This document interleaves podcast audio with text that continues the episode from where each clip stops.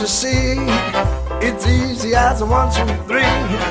I'm talking about you and me. I'm talking about love.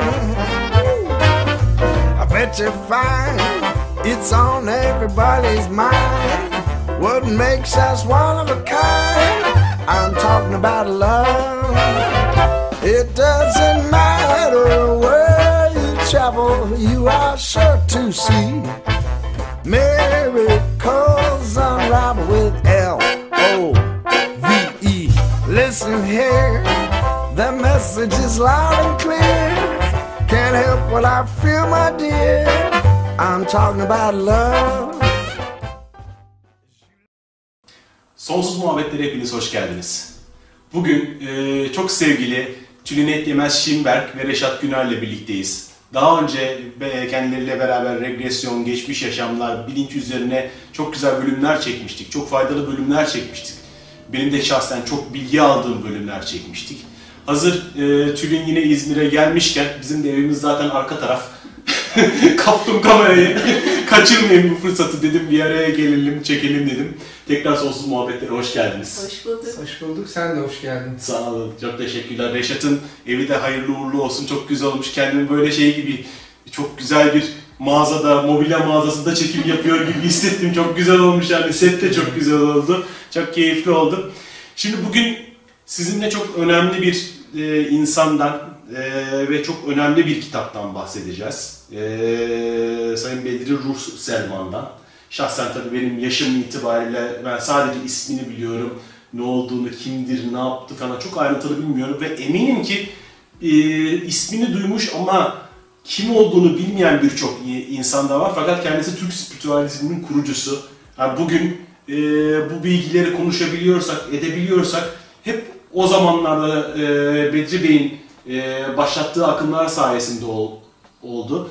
E, önce biraz Bedri Bey'den bahsedelim. Sonra yavaş yavaş akışta ilahi nizam ve kainattan devam ederiz. Tabii. Ee, Bedirul Selman 1898'de doğmuş. Yani işte tam Osmanlı'nın son zamanları aşağı yukarı. Ve e, asker bir ailenin çocuğu olarak dünyaya gelmiş. Küçük yaşlarda çok meraklı bir çocuk yani pek çok şeye merakı var. E, Birçok şeyi inceliyor. Sonra müzik yeteneği ortaya çıkmış. Ve o devirde işte e, onlar işte Çanakkale'de, İstanbul'da falan oturuyorlar. E, keman dersleri almaya başlamış ve bayağı da ilerlemiş o konuda. Bir taraftan da işte liseyi bitirmiş, sonra e, tıp fakültesine girmiş, o zamanki adıyla tıbbiye. Ve bir taraftan da müzik çalışmalarını sürdürmüş, keman derslerini sürdürmüş. Sonra işte tıp fakültesinde okurken onun e, keman öğretmeninin çok dikkatini çektiği için onun bir şekilde organize edip yurt dışına göndermişler. Prag'a gitmiş. Ve orada işte keman okumuş. Ondan sonra sonra Türkiye'ye dönüyor tekrar Ee, ve Türkiye'de müzik öğretmenliği falan yapıyor. Çeşitli yerlerde çalışıyor. Ondan sonra da tekrar tıp fakültesine dönüyor. Onu bitiriyor. İşte dahiliye uzmanı oluyor ve doktor olarak çalışıyor. Yani meslek hayatının gelişimi bu şekilde. Ama zaten çok genç yaşlardan itibaren e, yani hayatıyla ilgili internette bir şeyler, çeşitli bilgiler bulmak mümkün. Çok genç yaştan itibaren ruhsal konulara olan ilgisi var ve tabii Prag'a gittiğinde orada birkaç da yabancı dil öğrenince bu konularla ilgili özellikle Fransızca birçok kitapları okuma, o devrin işte spiritüel bütün literatürünü gözden geçirme fırsatı oluyor. Ama ondan sonra Türkiye'ye dönüyor tekrar ve Türkiye'ye döndükten sonra bu alanda tabii e, o zamanki işte bulabildiği entelektüel insanlarla birlikte bir takım çalışmalar yapıyorlar. Ankara'da ve çoğunlukla İstanbul'da hatta İzmir'de de çalışmalar yapmış. Çünkü bir dönem İzmir'de de oturmuş. Ve e, sonra yani medyum dediğimiz hani gerçekten yetenekli insanlarla çalışmalar yapmış. Ama onun yani çalıştığı medyumlar o zaman çok o devrin en entelektüel insanları. Mesela bir tanesi ilk çalıştığı medyumlardan biri Hüseyin Saadettin Arel. Ee, Saadettin Arel bir Türk müziği bestecisi ama aynı zamanda felsefi konularda da çok ciddi bir bilgisi var. Ve işte e, hani müzik felsefesi üzerine falan da çalışıyor o dönemlerde. Yani çok ciddi entelektüel bir kişi. Onunla ilk önemli çalışmaları yapıyor 1936 yılında falan ve Üstad isimli bir varlıktan tebliğler almaya başlıyorlar. Ama bunlar böyle hani e, yarın ne olacak falan gibi tebliğler değil. Yani çok ciddi anlamda ağır felsefi, kozmolojik, e, kozmogonik konularda işte evrenin yapısıyla ilgili, ruhsal dünyanın yapısıyla ilgili filan çok önemli bilgiler. 1940'lar civarında. 1936'da. 36. 36'da. Ama onun öncesinde Bedri Bey'in aynı zamanda 15 yaşında yapmış olduğu çalışmalar var. Yani o zamandan dahi ilgisi başlamış. Mesela hem babasıyla beraber ailesinde dahil olduğu bir ruhsal celsede Birinci Dünya Savaşı'nın çıkacağı söyleniyor. Ve bunun üzerine babası e, Bedri Bey'i ve ailesini İstanbul'a gönderiyor. Yani aynı zamanda ruhsal bilgiler onun genç yaşından hani celse çalışmaları çok daha genç yaşından başlıyor. Tabii. Ve zaten hani ciddi bir bilgisi ve yani zihni de çok iyi çalıştığı için e, o anlamda tabii hakikaten çok ciddi çalışmalar yapmış ve sonra bu bilgiler işte birikiyor yavaş yavaş. Bu arada bir taraftan da doktorluk yapıyor. Sonra bir dönem Afganistan'a gitmiş. Ve epey bir bilgi derleyip topladıktan sonra bu alanda Afganistan'da işte hekim olarak çalışmaya gitmiş oraya Kabil'e. Ve orada e, bir sanatoryum kuruluşunda görev almış. Ondan sonra orada işte ilk kitabının epey bir kısmını Ruh ve Kainat 1946'da yayınlanmıştır. Onun epey bir kısmını orada yazıp geliyor ve burada yayınlıyor o kitabı. Ondan sonra sürekli bu çalışmalar yani o, o zamanın hakikaten çok kaliteli e, insanlarla çalışmalar yapmış, medyumlarla çalışmış, onların kanalıyla işte çeşitli bilgiler almış ve bu bilgileri de çok iyi bir şekilde sentezleyip, sistematize edip yani onları klasifiye edip kitaplarında yayınlamış. İşte onun arkasından Ruhlar Arasında diye yayınladığı bir kitabı var. Onun arkasından Allah isimli bir kitabı var. Sonra Mukadderat ve İcabat isimli bir kitabı var. Ve bir de medyumluğun mekanizması ile ilgili yazdığı bir kitap var. O da e, İngilizceye çevrilmiş o kitap. Ve de 1951 yılında Stockholm'deki Spiritualizm Kongresi'ne rapor olarak gönderilmiş. Ve orada da o takdim edilmiş rapor olarak.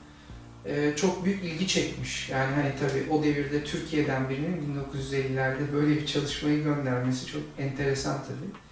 O kitapların hepsi... Ben şimdi şeyde merak ettim. Kim basmış diye. Hani ruh madde yayınları o zaman yok tabii daha değil mi? Tabii henüz yok. Onlar, e, Gayret Kitabevi var o zamanlar.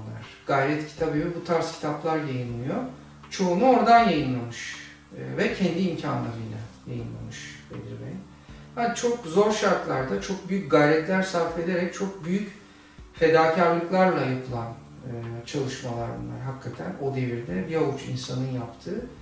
Sonra 1950 yılında işte e, Metafizik Tetkikler ve İlmi Araştırmalar Derneği'ni kuruyor ki halen işte bu dernek Faaliyetlerine faaliyetine sürdürüyor. devam ediyor ve zaten İlahi Nizam ve Kainat'ı yayınlayan da o dernektir. Metafizik Derneği yani Bedri Bey'in kurduğu dernek.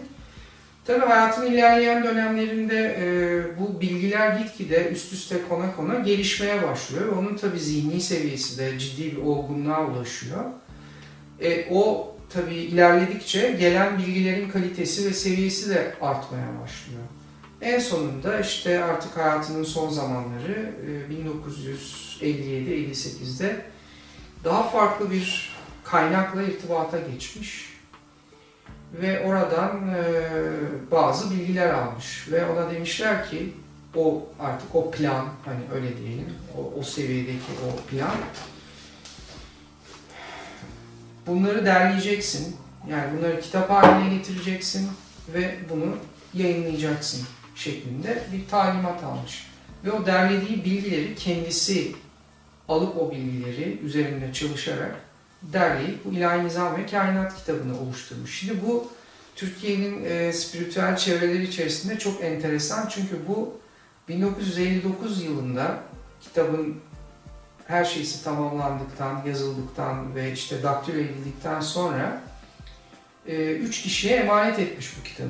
Çünkü hemen yayınlanabilmesi o zaman için mümkün değil ve E, zaten bunu yani veren kaynak, bu bilgileri veren kaynak da bunu böyle istemiş. Ve üç tane emanetçi tespit edilmiş. Onlara yani noter aracılığıyla kitabın yayın hakkını onlara vererek emanet etmiş. Bu bilinirdi. Yani ben e, işte 1980'li yıllarda ruhsal konuların içine girdiğim zamandan beri biz bunu hep duyardık. İşte böyle bir kitap var ama ismini de bilmiyoruz. Ve o zaman işte kendi aramızda hani anlayış kolaylığı olsun diye dernekte daha evvel buna bilgi kitabı deniyordu. Hmm. Hani takılmış bir isim o sonuçta. Hani kendi aramızdaki bir anlaşma kolaylığı açısından. Yıllarca o şekilde beklendi. Ve evet ve hep biliyorduk biz bunu. Sonra e, 1984'te zannediyorum ilk e, yani emanetçilerden bir tanesi vefat etmiş 84'te. Sonra iki tanesi hayattaydı. E, bizim hani onlarla tanışma şansımız olmuştu. Sonra 2012'de e, işte bir emanetçi daha vefat etti ve işte artık her nasılsa en son emanetçi de bu kitabı yayınlamayı uygun gördü ve Metapsik Derneği'ne getirdi kitabı. İşte ondan sonra sonrasını Tülin biliyor. Onun yayınlanış hikayesi falan. O ondan biraz bahseder. Şimdi tabii Bedri Bey'in yani hayatına baktığımızda hakikaten yani Türkiye için değil, dünya için gerçekten çok önemli bir e, ne diyelim hani düşünür, önemli bir insan.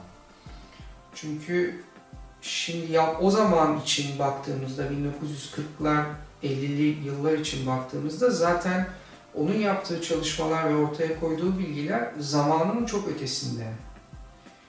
Yani şu an bile e, ancak hani o seviyeyi tutturabilmiş durumda genel anlamda ruhsal e, anlayış seviyesi. O yüzden de e, yani bütün dünya için çok önemli ve tabii çok mütevazi bir insan ve hani hiçbir şekilde isminin ön planda olmasını asla istemeyen, kendini hiçbir zaman ön plana koymayan, e, çok anlayışı yüksek e, ve sadece yapmak için geldiği görevi yapıp gidenlerden. O dengeyi tutturabilmesi çok büyük bir başarı. Yani hani sen bu seviyede bilgiler alıyorsun ama aynı zamanda yani adını çok çok az hani şey şeklinde çıkmıyor. Yani gidip kendine ne tarikat kuruyor, ne şey yapıyor, ne insanlar yapıyor. Sadece bir derneğim var. İşte kitabımı da emanet ediyorum. Yapacağımı yaptım, hadi bana eyvallah Tabii. deyip yetiştirdiği öğrenciler de Ki derneği de bırakmış. Yani 55'te falan zannediyorum. Yani hani derneği kurulmuş artık belli bir seviyeye geldikten sonra zaten o çekilmiş kendi çalışmalarını yapmak için e, o şekilde devam Ve etmiş. son İşte kon- dönemlerinde İngilizce kitaplar okuduğu söyleniyor. Yani konferanslar vermiş her yerde. Mesela bir onun bir ses kaydı vardır. Ee, Dil, Tarih, Coğrafya Fakültesinde e, verdiği bir konferansın böyle çok uzun bir konferans ruhsal konularla ilgili ve bunu her yerde duyurmaya çalışmış. Mesela Milli Eğitim Bakanlığı'na bir rapor yazmış. Ee, 1900 işte 40'larda 50'lerde tam onun tarihini hatırlamıyorum ama 50'ler olabilir.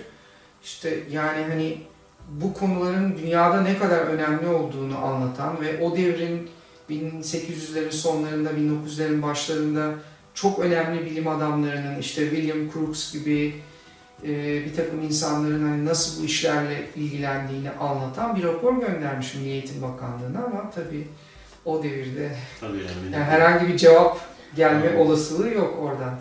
Ama e, yani şu anda biz Türkiye'de bu bilgileri bu şekilde konuşabiliyorsak, bu kadar çok yayın varsa şu anda, bu kadar e, kaliteli bir takım kitaplar yayınlanmışsa ki 1970'lerde, 80'lerde bunların hepsini biz açıkçası Bedri Bey'e İşte borçluyuz. yolu açmış yani. Hem yolu açmış hem bilgileri indirmiş. Ben de 95'te bu yolda başladığımda bir zaten Ruh Madde'nin kitapları vardı. Bir o dönemde işte Akaş yayınları yeni yeni başlamıştı. Başka bir şey de hani ondan sonra adım adım hani işte kural dışı çıktı, o çıktı, bu çıktı. Şimdi artık yani oh şeklinde yani artık sel şeklinde geliyor Bir yandan yay- yayıncılık zorlaşıyor ama diğer taraftan o zor şartlarda 1950'de derneğin kurulmasıyla beraber e, 10 yıl sonra 1960'da da Ruh ve Madde kuruluyor. Ve o zaman işte e, fasküller halinde e, Elle. e, basılarak, çevrilerek basılıyor. E, fasikül fasikül dağıtılıyor. E, daha sonra bir yayına ya da haline geliyor ve tamamen gönüllüler tarafından işlenen ve Ruh ve Madde dergisi de aynı zamanda 1960'ta başlayıp her ay yayınlanmış ve bu zamana kadar gelen en uzun spiritüel e, dergi. Bütün dergiler içinde belki de Türkiye'deki, Belki de Türkiye'deki- aralıksız yayın hayatında en uzun süre devam eden dergi. Çünkü bilim ve teknik ruh ve maddeden daha genç bir dergi. Ruh ve madde daha yaşlı. Bilim ve teknik 1968'de başladı. Ruh ve, ruh ve madde 1960'tan beri aralıksız Ve gayet de kalitesi yükselmiş. Yani şöyle anlamda. Yazılar zaten kalitesi de ben daha önce hiç anlamazdım yazıları. Ne yalan söyleyeyim. Şimdi son zamanlarda baktığımda hani e, siz sen de bana yolladın ya dergi yazıları falan. Çok güzel yazılar var. Çok güzel, çok anlaşılır. Ama hani ne yalan söyleyeyim ilk başlarda ben size söyleyeyim ilk ya, dili çok ağır geliyordu bana. Anlamıyordum. Bununla birlikte ilahi nizam ve kainat o ağır Türkçesiyle ilk çıktığında en, en çok satan listesine girdi ve ben çok şaşırdım. Evet çünkü çok bekleniyordu. Herkes soruyordu yani yıllardır bekleyen bir kesim vardı. Ee, biz de acaba o günleri görür müyüz, görmez miyiz derken bir anda gerçek oluverdi. Ee, tabii son bekçilisi, e, diğer bekçisinin vefatından bir süre sonra bizim derneğe getirdi. Biz hani dernek amaçları içerisinde tabii ki e, insanlara spiritüel bilgiyi vermek, bir köprü oluşturmak, anlayışlarını, biliş, bilincini genişletmek her zaman derneğin amaçlarından bir tanesi. En azından bu bedenin bir son olmadığını ve ruhun devamlılığını sürekli anlatıyorduk. Hani bir parçamız acaba görür müyüz, görmez miyiz? Epey beklendiği zamanlar olmuş. Ve ondan sonra ama e, bir şekilde derneğe insanlar gelmişler, gitmişler. Umutları kesilmiş. Hani e, ve çok spontan, doğal bir şekilde önümüze düşüverdi ve biz yıllardır karşılaşmayı umduğumuz, beklediğimiz bilgilerle e, fiziki olarak karşılaştık. E, çünkü her bir bekçisinin ayrı bir nüshası vardı. Bu nüshalar genelde soruyorlar acaba üçü de birbirinden farklı mı? O dönemde hepsi daktiloya dizilmiş, üçü de aynı Ee, ve işte bekçisi kendi kopyasını açarak e, tamamen daktilo edilmişti ama bir parça yanlarında e, Bedri Bey'in el yazıları da vardı. Tabii gönüllüler tarafından dizildi, gönüllüler tarafından e, satır satır hepsi okundu. Yani biz özellikle Bedri Bey'in yaptığı hiçbir anlamsız düzeltmeye yani virgülüne bile dokunmamaya e, çalıştık. Orijinaline sadık kaldık. E, tabii bize gelmiş bir vazife olarak onu olduğu gibi çıkarmak, tamamen korunmuş yani çok minik rütuşlarla e, çıkarmak o bizim bir vazifemizdi. Zaten gönlümüzün borcuydu. Ama arkasından tabii pek çok e, reaksiyon oldu. Yani biz bunu anlamıyoruz. Ne söylüyor, ne ifade ediyor. Onun üzerine de Türkçeleşme çalışmaları oldu. Bu arada Nisan 2013'te nasıl diyelim fiziki olarak bedenlenmişti de yayınlanan bir kitap olarak önümüze çıktı. Çok düşündük acaba nasıl olmalı, işte kapağı nasıl olmalı derken e, aynı zamanda bekçisinin de ricasıyla gayet hani sade bir şekilde önümüze geldi. Çünkü önemli olan onun içerisindeki bilgiler. Biraz daha anlaşılır bir Türkçe oldu. Gene biz zorlandığını duyuyoruz insanların. Evet. Bize o anda özellikle ilk 20 sayfaya kadar okuyamıyoruz. Ya bu amorf madde de nedir? Çünkü direkt maddenin anlatımıyla başlıyor. İşte bir amorf madde, e, bizim dünya maddemizin o oluşla hani Big Bang neredeyse oradaki ne oldu da madde yaratıldı, maddeyle ruh ilişkisinden bahsediyor. Tabii farklı kavramlar getirdi hayatımıza. Biraz bakış açılarımız değişti. Hepimiz hararetle okuduk, okuduk, tekrar okuduk, tekrar okuduk. Her okuduğumuzda tekrar e, an- yeniden anlıyoruz. Yani 10 kereden fazla okudum ben. Özellikle hem yazılışında hatta e, bir arkadaşımızla beraber hani satır satır dört gün hiç uyumadan bir an önce çıkması için sabahlayarak düzeltmelerini yaptık, bitirdik ve hala inanamıyorduk. Yani böyle sesli olarak birimizin sesinden çıkıyor, diğeri işte kontrol ediyor.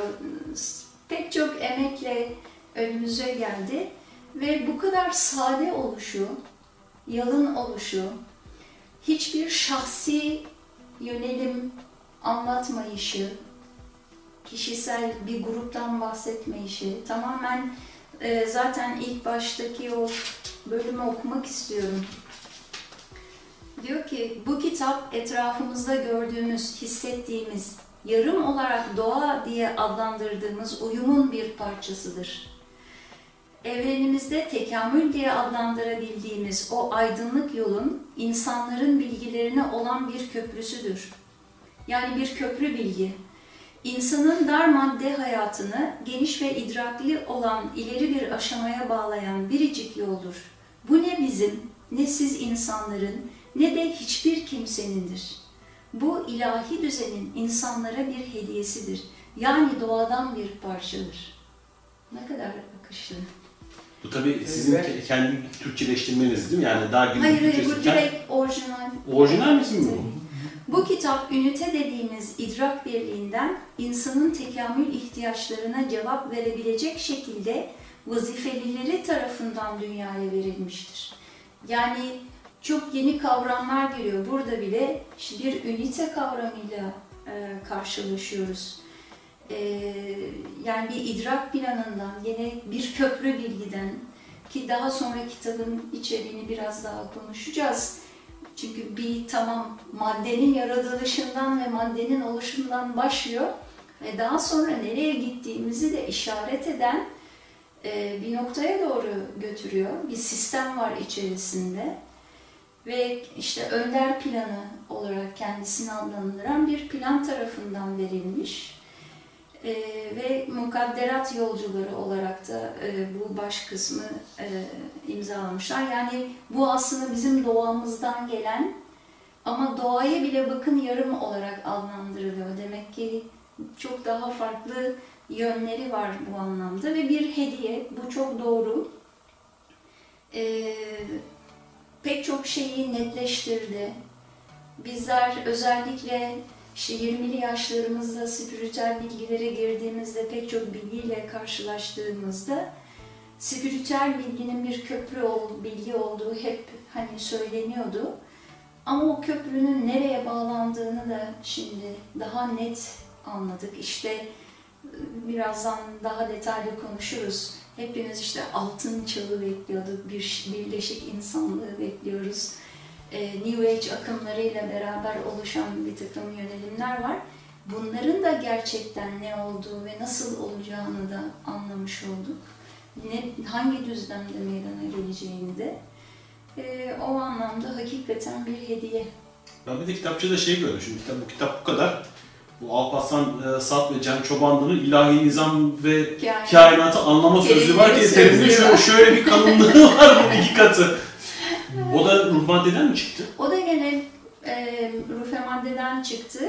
E, şöyle biz e, direkt kitabı çıkarabilmek için dernek kendisi bir e, yayın evi kurdu. E, Meyteyat 1950 diye onun iktisadi işletmesi ve sadece bu kitabı basıyor. Yani o yayın evi sadece ilahi nizam ve kainatın orijinalini Türkçeleştirilmişini ama diğer taraftan e, Ruh ve Madde ve Bilya yayıncılıkta zaten vakıfın belli bir süre sonra 1994'te vakıflaştık. E, bu tabii bizim uluslararası bağlantılarımız için gerekliydi. Ondan sonra düzenlediğimiz parapsikoloji konferansları oldu iki tane. Ve bizi biraz daha uluslararası boyuta o anlamda taşıdı. E, İlahi Nizam ve Kainat Terimleri sözlüğünde Alparslan Bey ve Cem Çobanlı gerçekten çok özverili bir çalışma yaptılar. Terimleri ayırdılar ve nerede geçiyorsa onları bir bütün haline getirdiler. Ama ek bir bilgi eklemediler. Tamamen kitabın içerisinde ama diyelim ki bir ünite kavramı ne kadar yerde geçiyorsa ünite ile ilgili bütün bilgiler peş peşe konuldu. İşte Vay değer farklanması deniyorsa der, değer farklanmasının geçtiği bütün yerlerden değer farklanması bilgisi bir bütün haline getirilerek bütünleştirildi. Ve böylece diyelim ki bir şey anlamadığınız o sözle döndüğünüzde onun e, geçtiği bütün yerleri bir bütün halinde okuyabiliyorsunuz. Çok güzel bir çalışma Çok oldu. önemli bir çalışma. Daha önce de zaten bir ansiklopedi yapmışlar. Terimler Evet, Evet. ansiklopedisi o da çok meta ansiklopedi. meta ansiklopedisi o da çok e, faydalı. Ben çok faydalandım. Semboller ansiklopedisi de yaptılar aynı zamanda. Yani e, bir de İngilizcesi de var. The Divine e, Order and the Universe. E, sevgili Yasemin Tokatlı'nın çevirisiyle Yasemin'e de buradan sevgilerimizi iletelim. Çok kahrımızı çekiyor. Hele ki duvarızda benim çok kahrımı çekiyor. Sürekli olarak e, Yasemin yazı var çevirir misin yazı var hiçbir zaman da reddetmedi sağ olsun. Ama Tabii. bunu böyle bir kitabı çevirebilmek de büyük başarı. Çok çok zorlandı. Açıkçası defalarca tabii gözden geçirildi. Tabii İngilizcesi de oldukça ağır. Ee, birebir çeviri, yani bu gerçekten hiçbir şey atlanmadan birebir çevrilmeye çalıştı. Bakalım yani açıkçası biraz daha anlaşılır bir düzeye getirilmek için İngilizcesi daha anlaşılır gibi geliyor ne yalan söyleyeyim bana. Gerçi ben daha günümüz Türkçesiyle olanını henüz daha okumadım. Hani orijinali var bende. Orijinali bana baktı, ben ona baktım haliyle elimden geldiğince anlamaya çalıştım ama tabii orada şey var. E, diliyle beraber çok da ağır enerji aslında. Zaten şey hani e, yazı yazmakla ilgili şunu söyleyebiliriz. Hemen hepimiz yazıyoruz, ediyoruz. Yazı yazmak dediğin senin ruhsal enerjinin bir kod sistemine dökülmesi. O kod sistemini okumayı başarabilen insan senin ruhunu okuyor. Yani orada önemli olan kelimeler değil, kod sistemi. Burada da aslında bu enerjinin kodlanmış hali. O, o kod sistemini okuyunca oralara geliyorsunuz. Fakat ama tabii ki ilahi nizam ve kainat, hani ben çok spiritüel bilgilere yeni başladım. İşte eee çekim yasasıymış, şuymuş, buymuş, çeşitli bilgilermiş. Onlarla böyle böyle hafif light falan değil. Bildiğin akademik kitap bu. Şimdi zaten metafizik her, ve bilyay her zaman için hani bu spiritüelliğin üniversitesi olarak Evet. adlandırılırdı. Hakikaten dediğim gibi eski yazılarda çok ağır olarak değerlendirilirdi. Öyle de yapmaya çalışırdık açıkçası belli bir düzeye çekebilmek adına ya da ciddi olarak alınmasını sağlamak adına. Ee, o nedenle biz kitap çıktıktan sonra bütün konferanslarımızı bir ayda olan bütün konferanslarımızı artık ilahi nizam ve kainatın ışığında anlatmaya başladık. Öyle olunca da e, dileyenler ve ilgilenenler e, Bilyay'dan, Bilyay Live Stream, Bilyay canlı yayın diye yazıp bütün bizim salı konferanslarımızı ücretsiz olaraktan internetten izleyebilirler. Ve orada kavramları anlatıyoruz. Özellikle işte ayın ilk haftası konferanslarını hep onunla e, ilgili seçtik ama onun içerisinden işte nefsaniyet nedir onu anlattık, dualite nedir onu anlattık, değer farklanması nedir onu konuştuk. Mesela bir bilinç e, şey modeli getiriyor. E, bilinç, bilinçaltı, bilinçüstü, bilinç ötesi kavramlarımız tamamen değişti. Bir kere en temel olarak madde ve ruh bağlantısı değişti. Değişti derken daha önce nasıl bir anlayış vardı, nasıl bir şey getirdi? Şimdi istersen üstadımın sana söz Bilinç size- Estağfurullah. Şimdi ben önce şunu söyleyeceğim. Bir kere e, aslında kitap e, gerçekten çok ağır değil.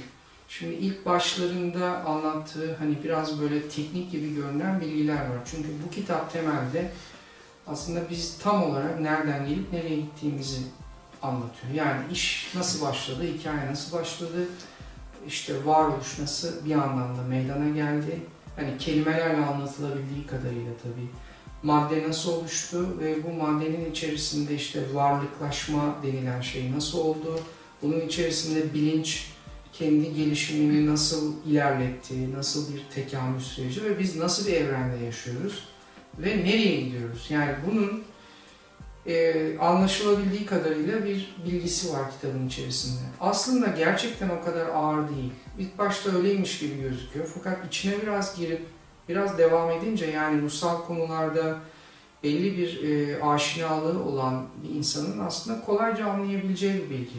Çünkü kendisi de en başta da zaten söylüyor bu doğadan bir parçadır diye. Yani e, olmayan bir şeyi anlatmıyor bu kitap. Aslında gerçekliğin, e, insan varlığının ve her şeyin bir anlamda yapısını olabildiği, anlaş, anlatılabildiği kadarıyla anlatıyor. Onun için e, çok zor değil. Yani sadece hani biraz e, üstünde azıcık düşünerek okumak, biraz kelimelerin ardındaki belki anlamları biraz e, daha derinden anlamaya ve hissetmeye çalışarak okumak gerekiyor.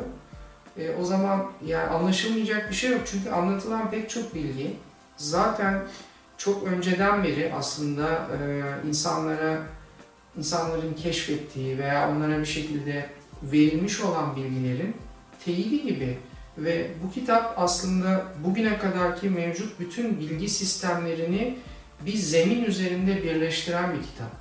Ve bütün ruhsal bilgi sistemlerini de çok sade ve çok e, aslında nasıl diyeyim yani basit bir şekilde, olabildiğince basit bir şekilde hepsini birleştiren temel anahtarları ve bilgileri ortaya koyan bir kitap. O yüzden e, yani biz okuduğumuzda birçok yeri hiç yadırgamadık yani bize hiç şey gelmedi öyle.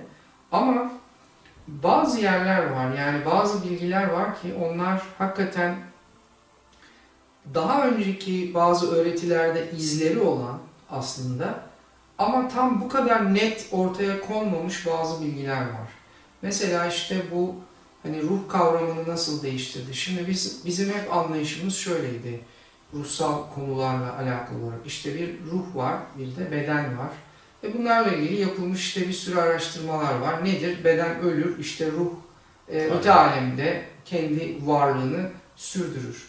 E, bu şekilde bir anlayış vardı ve bilinç sahibi olan da ruhtur şeklinde. Şimdi burada daha ayrı bir kavram getiriyor ve e, bizim işte bu daha önce hani bedeni terk eden ve bedenden sonra da varlığını sürdüren o bilinçli kısma ruh değil de varlık adını veriyor. Yani o varlık kavramı orada e, genel anlamda var olan bir şeyi kasteden varlık sözcüğü değil. Orada özel bir anlam var. Orada aslında bizim daha önceden ruh dediğimiz şeyi anlatıyor varlık olarak. Fakat bu varlık e, varlık denilen yani bilinçli ünite öyle diyelim kendi içinde bilinçli birim maddeden ayrı bir şey değil aslında. Yani bizim bildiğimiz anlamdaki maddenin duyularla algılayabildiğimiz, şu anda bilincine varabildiğimiz maddenin daha üstünde, daha süptil bir boyutta e, var olan bir e, nasıl diyelim hani bir antite, bir bilinç birimi. Şimdi bu diyor ki yani ruhu biz tam olarak anlayamayız ve insan zihni ve insan kavramları gerçek anlamda ruhu algılayamaz ve bunu kavrayamaz. Ama varlığı kavrayabilir. Ve varlık işte bir ruha hizmet eden ve ruhun aslında işte evren içerisindeki tekamülünü sağlayan bir araçtır diyor. Ve öldüğünde yani biz öldüğümüz vakit bedenden ayrılan ve varlığını sürdüren şeye varlık ismini veriyor ve bunun da aslında çok süptil yani çok ince bizim algılayamayacağımız derecede ince bir madde topluluğu olduğunu söylüyor. Şimdi bu daha önceki kavramlardan oldukça farklı bir kavram. Hani buna benzer bazı bilgiler belki çeşitli öğretilerin içerisinde Mesela bu anlattığında ben şeyi anlıyorum. Bu aslında maddi dünyaya da hak ettiği değeri veren bir bilgi. Yani maddi dünyayı biz çok fazla aman geçici bu çok fazla illüzyon deyip çok fazla dışlayan öğretiler var sonuçta. Tamamen kendini dünyadan kopartan, e, aman yalan dünya bunların hepsi sahtelik diyen ama bir dakika bu da varlık olduğu zaman parça. Ruh ve madde, işte ruh ve beden dediğinde ayırıyorsun. Bir an önce kurtulalım da öbür aleme geçelim. Tekamülden kapatacağımızı kapalım gibi çok da yani fırsatçı bir yaklaşıma şey yapıyorsun. Ama bu sefer ne oluyor? Bu varlık kavramında varlığın da parçası. Madde evet senin de bütünün parçası. O zaman madde dünyası da hak ettiği yere kavuşuyor bu şekilde. Gayet tabii. Çünkü şunu söylüyor zaten. e, diyor ki sizin diyor en üst seviyede gördüğünüz ruhsal deneyimler, ruhsal haller ve en üst seviyeli duygular dahi bunların hepsi maddedir diyor sonuçta kitapta. Sadece fre- frekansı, titreşimi farklı. Aynen öyle tabii ki. Yani bizim göremediğimiz daha bir üst boyuta ait madde. Bunların hepsi diyor sonuçta maddi süreçlerdir ve maddeye bağlıdır. Ve işte bu varlığın e, bedenle olan bağlantılarıyla ilgili de çok enteresan bilgiler var kitabın içerisinde. O kavramları da getiriyor. Onlar da çok ilginç kavramlar gerçekten. Mesela o bilgiler daha önce başka bir yerde yok. O yüzden de hani benim de defalarca okuduğum e, hani her yerini değil ama özellikle belli yerlerini çok defalarca okudum ilgimi çeken bölümleri. Gerçekten o bilgiler şu anda başka bir yerde daha önce yok. Hele 1959 yılında falan yani hiçbir yerde yok bu bilgiler. Hiçbir şekilde. Ben şu anda kendimi şey hissediyorum. Ben bugüne kadar niye okumadım diye. Hani en azından günümüz Türkçesiyle Allah şekilde. Ben hep e, böyle konuşmalarımız esasında sizden faydalandım.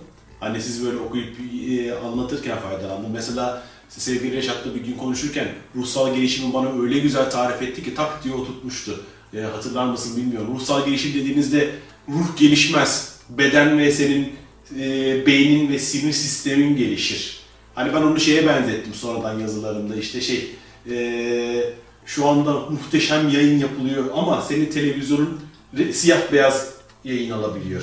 İşte siyah beyazdan biraz daha gelişiyorsun, renkli televizyon oluyorsun, biraz daha gelişiyorsun, LCD'ye dönüşüyorsun, biraz daha gelişiyorsun, 4K televizyona dönüşüyorsun ama hala orada yayın muhteşem şekilde devam ediyor. İşte ruh gelişmiyor. Sen sadece bedenini geliştirip daha iyisini alabilmeyi e, başarıyorsun diye anlatmıştın sen bana. Evet. O çok güzel oturtmuştu ama şimdi bayağı bir kendime şey hissettim. Tabii kitapta da zaten bunlar için. çok güzel anlatılıyor. Yani tekamülün daha doğrusu evrimin yani Türkçe sözüyle e, yani nasıl bir süreç olduğu, dünyadaki işte geçirilmesi gereken aşamaların neler olduğunu anlatıyor. Mesela kitapta bunlar çok güzel anlatılıyor. Sonra bunları da zaman kavramına bağlıyor ve zamanla ilgili yine e, daha önce hiçbir yerde rastlamadığımız bazı bilgiler var zaman kavramıyla ilgili. İlk okuyuşta biraz karışık gibi gözükebilir. Ama gerçekten üzerinde azıcık yoğunlaşıp, azıcık gayret sarf ederek çok ciddi anlayışlar getiren bilgiler var kitabın içerisinde ve onlar hepsi anahtar dediğim gibi yani bütün kainatın bilgisini bu kadarcık bir kitabın içerisinde e, verecek hali yok zaten. Evet. Ama öyle anahtarlar, öyle anahtar bilgiler veriyor ki ilkelere ait bilgileri veriyor. Yani o, onları aldığın zaman o ilkeleri her yere ve her şeye uygulayabilirsin. Mesela en önemli defalarca kitabın içinde geçen kavramlardan bir tanesi benim de çok dikkatimi çeken, hep konuşmalarımızda da anlatıyoruz. Dualite ve değer farklanması diye bir kavramdan söz ediyor ve her şeyin dualite üzerine kurulu olduğunu anlatıyor kitabın içerisinde. Yani maddenin de işte nasıl iki kutbu var, işte çekirdek ve elektronlar öyle değil mi? Hani elektriğinde ve insanın da öyle yani duyguların işte nasıl iki kutbu var ve e, nasıl hani vicdan ve ego iki ayrı kutup. Bunların işte nasıl nasıl diyeyim yani bunların teknolojisini anlatıyor aslında kitapta ve bu bilgi bütün her şeye uygulanabilir istisnasız olarak. Dünyada var olan her şeye uygulanabilecek bir bilgi. Çünkü her şey iki zıt kutbun arasındaki değer e, dalgalanmalarıyla hareket ediyor. Yani bir kutuptan diğer kutuba akan ve bazen birinin ön plana çıkması, sonra diğerinin ön plana, sonra diğeri, sonra diğeri hep bu bunun ikisinin arasındaki dengenin bir şekilde sağlanmasına bağlı süreçlerle ilerliyor. Dünyada bunun işlemediği hiçbir yer yok. Mesela bunu anlatmış, hakikaten bunu hayatın her alanına uygulamak mümkün. Ve sonra daha ilerleyen kısımlarda tabii e, yani nasıl diyeyim bizim içinde bulunduğumuz ve tabi olduğumuz sistemin yapısının da nasıl bir şey olduğunu anlatıyor. Yani ve bunu tamamen hani mistik bir anlayışın çok daha üstünde ve çok daha hani somut hale getirerek her şeyi öyle diyeyim. Çünkü bu tarz bilgilerde işte mesela biz nasıl bir sistemin içinde varız? Çünkü her şey kendinden daha geniş bir sisteme tabidir evrende. Öyle değil mi? Dünya güneş sisteminin bir parçası.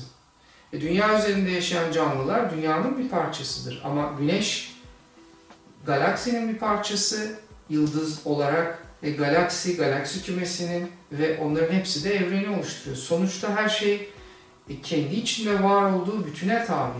Ve bu ruhsal sistemler adını verdiğimiz sistemler içinde de böyle. Şimdi bizim varlığımız da kendinden daha geniş bir bütünün içinde bir parça. Bunu hani mistik öğretiler işte çeşitli ifadelerle anlatmışlar. Parça ve bütün ilişkisi bakımından hani bütün mistik öğretilerin içerisinde vardır işte okyanustan bir damlayız filan gibi. Ama burada bunun teknik olarak nasıl işlediği ve hakikaten biz nasıl bir sistemin içerisindeyiz, o planların yapısı, planların birbirine olan etkisi ve gerçekten biz ve bizim kendi varlığımızın içerisindeki hiyerarşiyi de anlatıyor.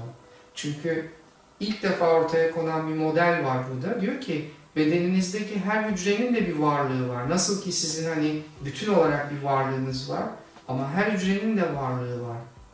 Ve bu hiyerarşik yapının en üst seviyesi beyin hücrelerinin varlıkları. Ve diyor ki varlık beyin hücrelerinin varlıklarına etki ederek bedenle iletişim kurar. Yoksa direkt olarak hiçbir zaman bedenin içerisinde değildir. Ve beyin hücrelerinin varlıklarını bir arada tutar ve aslında ona etkide bulunur. İşte bu kavramlar mesela daha önce hiç olmayan kavramlar ama bunlar bizim pek çok problemimizi e, ve daha önce içinden çıkamadığımız pek çok konuyu izah eden kavramlar. Ve bunlar da e, bu işin hani teorisi gibi görünse de çok önemli. Çünkü mesela ben iletişim fakültesinde okurken iki tarz dersiniz vardı. Bir tarafta teori derslerimiz vardı, bir tarafta pratik derslerimiz vardı. Ben pratikçiydim. Hatta şey diye söylenirdim. Ya arkadaş bize bu kadar teoriyi niye öğrettiler? İletişim fakültesinde işte kamerayı kullanmayı öğretsene, şeyi öğretsene falan. Ama hocalarımız şey derdi, biz sizin önce beyninizi geliştirelim ki sonradan kamerayı öğrenirsiniz. Yoksa siz sadece bir teknik elemana dönüşürsünüz. Ama büyük işler başarmak istiyorsanız beyninizin de eğitilmesi gerekiyor. Ondan sonra o kamerayı sizin elinize vereceğiz derlerdi. Ve ne kadar doğru söylediklerini zaman içinde e, çok net anladım. Yani çok net gördüm. Aynı şekilde hani bir kendini tanıma yolculuğunda yürüdüğümüzde de evet elimizde çok fazla pratik bilgi de var şu anda artık.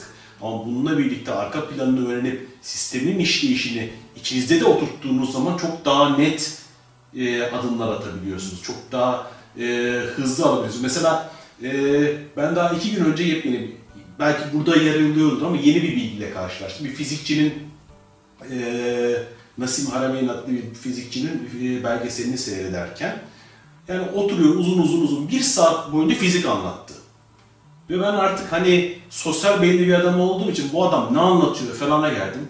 Bir saatin sonunda bir geldi bağladı. Bilgi şu. Dedi ki hani önce bir boşluğu anlatıyor. Boşluk kavramını anlatıyor. Vakum diye anlatıyor İngilizce'de. İşte e, maddedeki boşluğu şeyi anlatıyor. İşte tüm her şey diyor aslında hepimiz boşuz zaten. %99.9 99 işte şey boşluktan oluşuyoruz. O boşluk dediğimiz şey de işte bizim e, çeşitli adlarla adlandırdığımız o bilinç diyoruz, tanrı diyoruz, Rab diyoruz falan böyle. Ve şöyle, e, teknik yanlışlık yapmam inşallah ama elektronlar, protonlar sürekli hareket eder diyor. Hı hı. Ve siz de diyor, elektron ve protonların hareket ettiği sürece diyor, siz diyor, ömrünüzün yarısını diyor, boşlukta geçiriyorsunuz. Yani biz şu anda bir saat, mesela yarım saat geçirdik değil mi? 15 dakikasını aslında boşlukta geçiriyoruz. Nasıl? Aslında bir görünüyoruz, bir öbür aleme geçiyoruz. Bir oraya geçiyoruz, bir öbür aleme geçiyoruz. Ama bu saniyede 300 bin kilometre diye yanılmıyorsam ışık hızı. Işık hızında olduğu için biz burada kendimizi var zannediyoruz. Ve siz buradaki bilgiyi öbür tarafa taşırsınız, oradaki bilgiyi bu tarafa getirirsiniz diyor. Yani bir saniye için 50, bir saniyenin yarısı kadar süresini biz öte tarafta geçiriyormuşuz.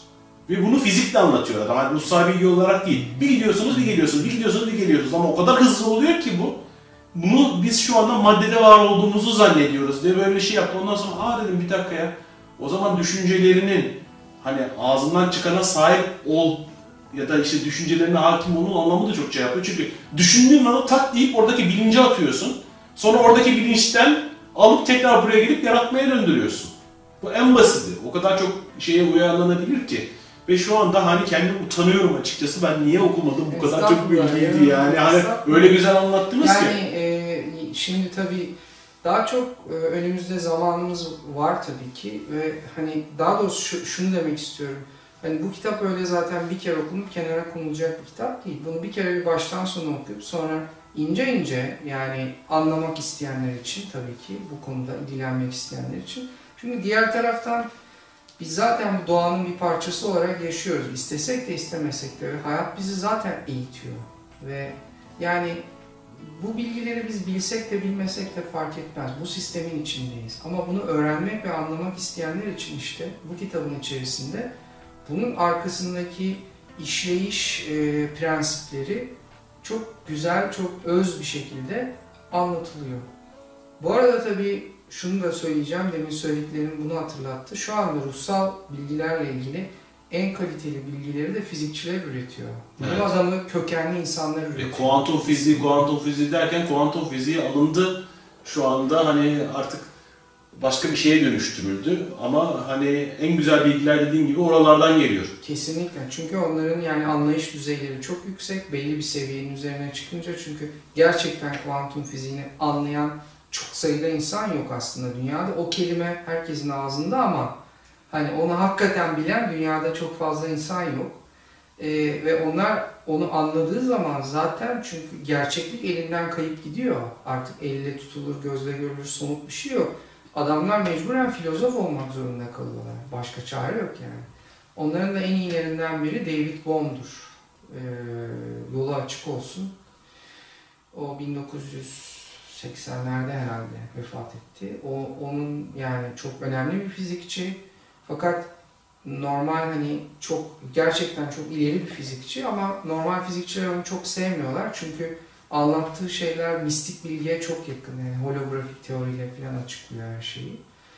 Ya bu kitapta da hiçbir şeyle, e, bu bilgilerle hiçbir şekilde çelişen hiçbir şey yok. Tam tersine onları destekliyor. Mesela- Bütünleşici şeyler. Karanlık madde kavramı 1990'lardan sonra bulunan bir kavram. Hani evrende var olan maddenin işte %3, %5 oranında olduğu aslında bütün enerjiyi hesapladıklarında %95 görünmeyen bir enerji var. Ve hani o boşluk dediğimiz şey boş değil. Değil. Orada bir enerji var.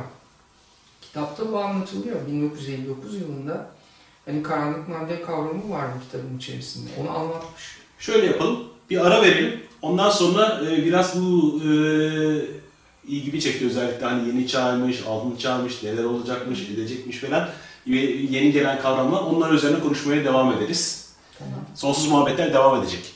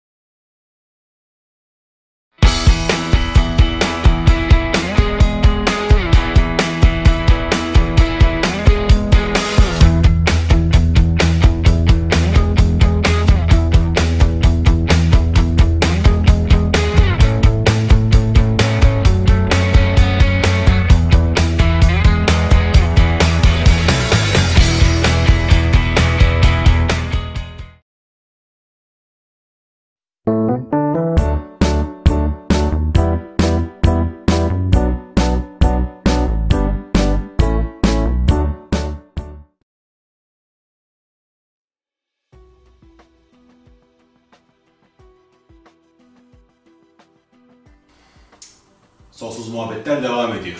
Şimdi sevgili Tülin, eee, bu ilahi nizam ve kainatı ben tabii gözden geçirirken bazı böyle, eee, özellikle gelecek projeksiyonlarına, 2012 sonrası yaşanacak olaylara dair bazı şeyler görmüştüm.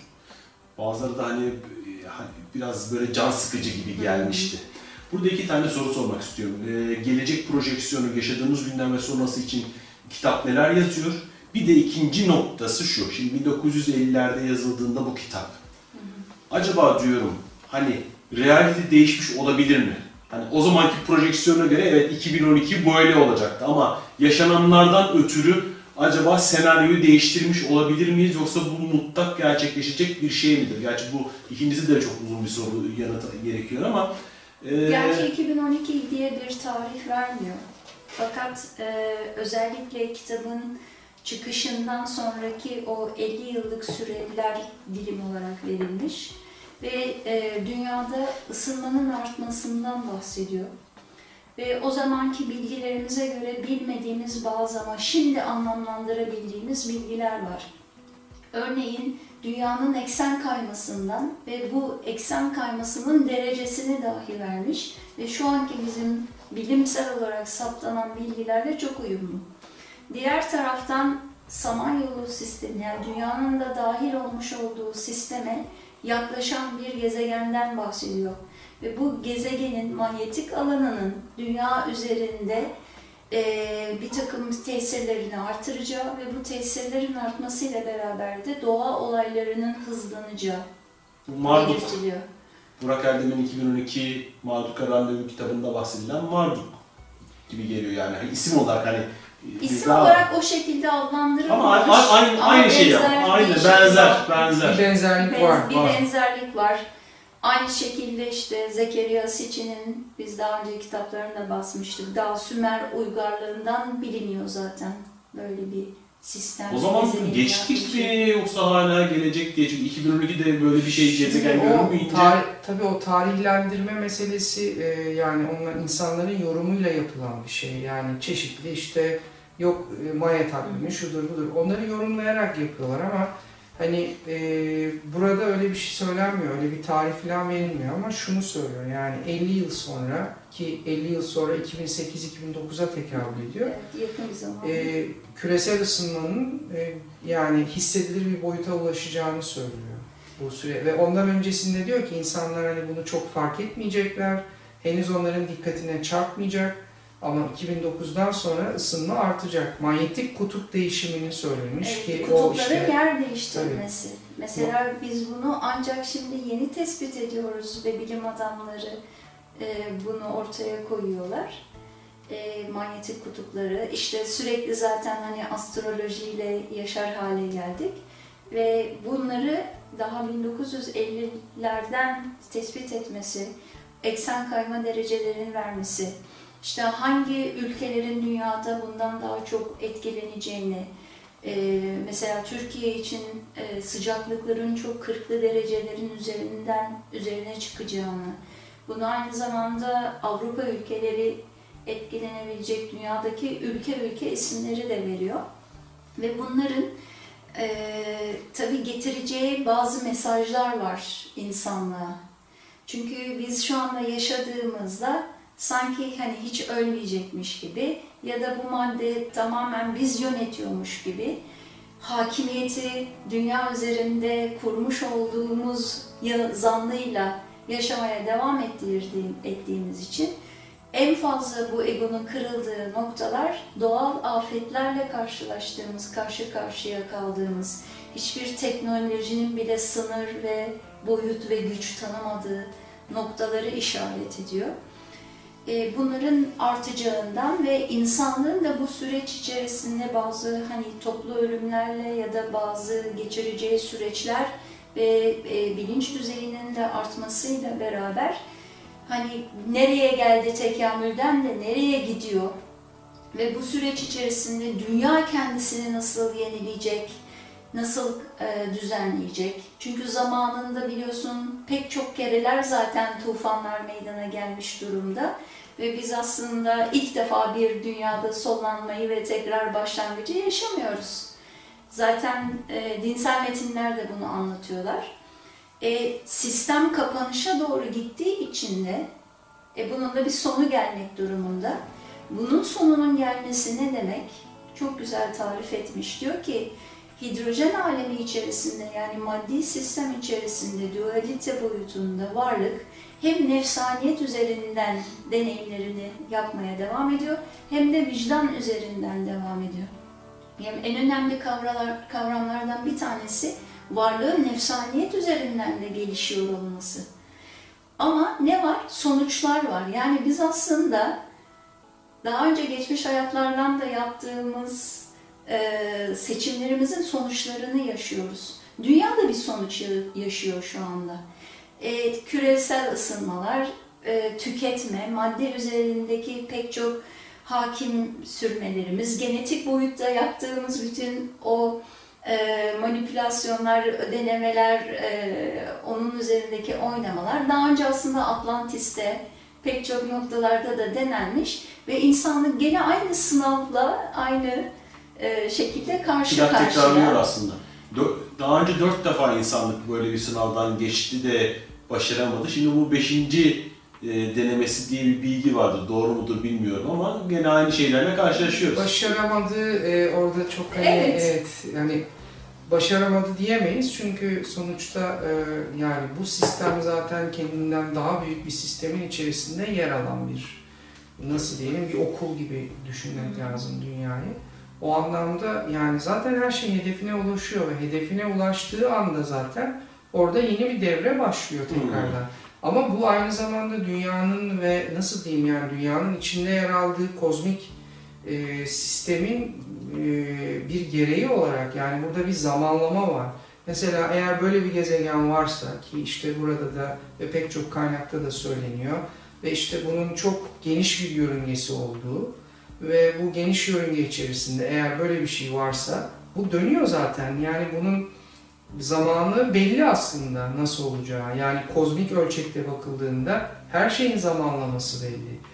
E şimdi dünyanın kendi kendine has bir hayatı var bir bir birim olarak ve bunun içerisinde jeolojik olarak ne gibi değişikliklerin olacağı ve dünyanın yaşına göre ne olacağı zaten belli. Ama onun üzerinde e, uygulama yapan diğer varlıklar ve canlılar için canlıların ihtiyaçları bununla senkronize oluyor dünya üzerinde. Ve yani bu devrelerle, dünyanın geçirdiği devrelerle üzerindeki yaşayan canlıların gelişim devreleri birbirine senkronize vaziyette yürüyor. Ve işte dünyanın işi bittiği zaman buradaki devredeki e, eğitim gören insanların, varlıkların da işi bitmiş oluyor zaten o zaman. Ve yeni bir dönem başlıyor tekrardan. E, bu bunun mekanizması ve bunun sistemi kitabın içerisinde çok net ve çok açık bir şekilde anlatılmış. Tabii biz öyle bir hayat yaşıyoruz ki dünyanın merkezi, şey evrenin merkezi dünya. O hala orta çağdaki şey e, düşünce. Hani o, her şey insanlar için yaratıldı. E, parça değil. Her şeyin merkezi biziz. E, elimizde güç olsak neredeyse tüm galaksiyi parselleyip satarız, yaparız da bunu. İşgal ederiz. Ve hayat hatta merkezden ibaret. Yani buradan ibaret. Hatta Türkiye'de yaşıyorsan İstanbul'dan ibaret. Çünkü tüm medya İstanbul medyası. Yani tüm evren herkes şey benim çevremde dönüyor. Ben bunun bir parçası değilim ama şu anda mesela şu anda otururken biliyor musunuz biz 1600 kilometre hızla hareket ediyoruz. Çünkü dünya böyle dönerken 1600 kilometre hızla dönüyor.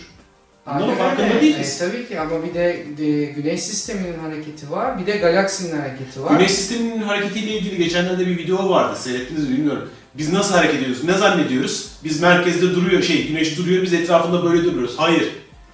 Bildiğin, yani bilmiyorum o videoya da denk geldi muhteşem bir video.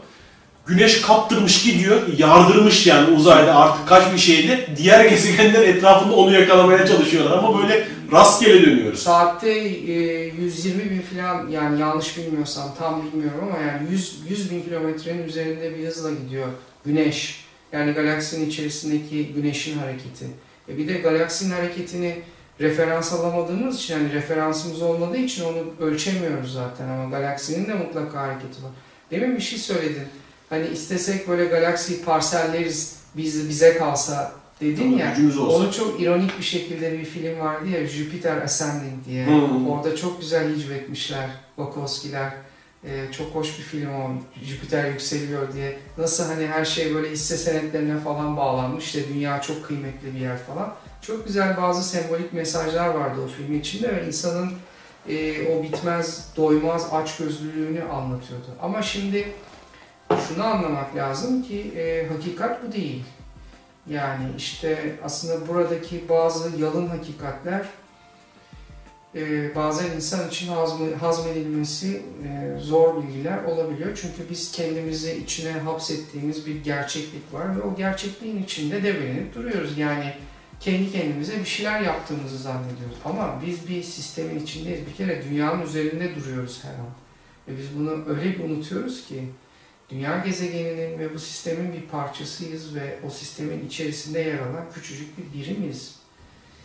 Yer çekimi olmasa Şimdi- şu anda uçuyorduk. Son zamanlarda işte NASA'nın filan hani bu atmosfer dışına bir takım e, teleskoplar koydular ya çok acayip resimler geliyor oradan ve internette görüyoruz paylaşılıyor hep. Onlar biraz da bize bunu idrak ettiriyor sanki. Hani ne kadar küçük olduğunu. NASA da bir türlü şey diyemedi. Hani getiriyor ucundan ucundan böyle tamam kardeşim uzayda yalnız değiliz uzaylılar var. O uzaylılar var ne demek? Milyonlarca tür var, milyonlarca şey var, sistem var, iyisi var, kötüsü var. Sürekli işte ya bakteri bulduk, su bulduk, tuz bulduk. Lan işte söyleyeceksen söyle yani ağzında ne geveliyorsun. Ama hatta ben şey derim ileride biz artık uluslararası ilişkilerden bahsetmeyeceğiz. Gezegenler arası ilişkilerden bahsedeceğiz. Artık gezegenler arası politikte oralarda yer alacak bizim torunlarımız. Hani biz görür müyüz görmez miyiz bilmiyorum ama tabii burada hepimizin derdi şudur. Kardeşim biz neyi göreceğiz, neyi göreceğiz? Devrenin sonuna geldik diyoruz ya. Şimdi altın çağı görür müyüz biz? Yani şu bir gerçek ki altın çağ diye beklediğimiz dönem ve sistem bu madde boyutunda gerçekleşmeyecek. Çünkü bu madde boyutuna bakıyoruz ki hidrojen aleminde yani dünyasal bu seviyede varlığın kapasitesi ister şu taşıdığımız beden bile ona çok uyumlu değil. Ve varlık işte bu sistemi artık buradan bitiriyor ve bunu geçtiği boyutu yarı sütlü alem ve sevgi planı olarak adlandırmış. Yani şu anki hidrojen sistemi maddesel yapımızın içerisinde bir kapanış ve bir sıçrama ki bu toplu olarak meydana gelen bir şey. Dönemin özelliği o. Sistem onun için bu kadar hayat bastırıyor. Onun için her şey çok fazla hızlandı. Onun için deneyimler müthiş bir şekilde arttı ve her boyutta dejenerasyon da arttı. Çünkü artık bunun işe yaramadığını, pek çok sistemlerin çökmesi gerekiyor ki artık varlık o yapıştığı şeylerin eş koşmasından çıksın.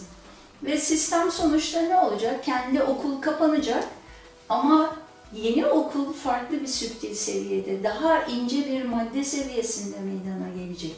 O nedenle bizim şu boyutunda, şu fizik madde ve bu bedenle yaşadığımız bir altın çağ değil.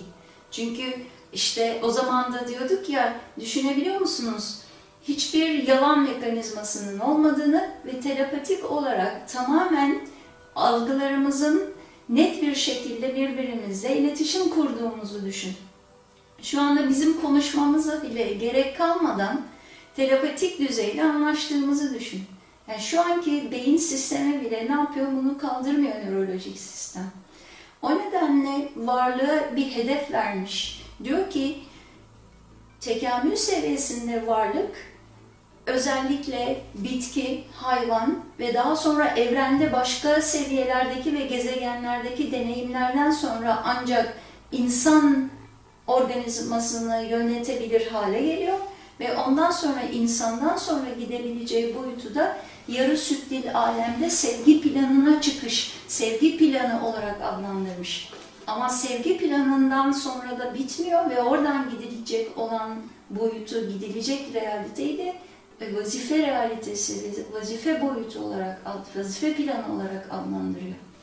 Şimdi evrende pek çok vazifeliler var ki hiçbir sistemde boşluk yok ve bu sistemden sorumlu vazifeliler var.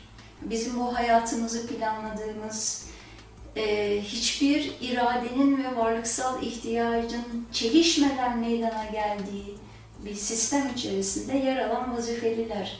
İşte bunun biz az buçuk örneğini mesela Hızır ve Musa olarak dinsel metinlerde görüyoruz. Yani bir Musa seviyesi dünyasal insanı temsil ederken Hızır ne yapıyor? Bütün bağlantıları biliyor.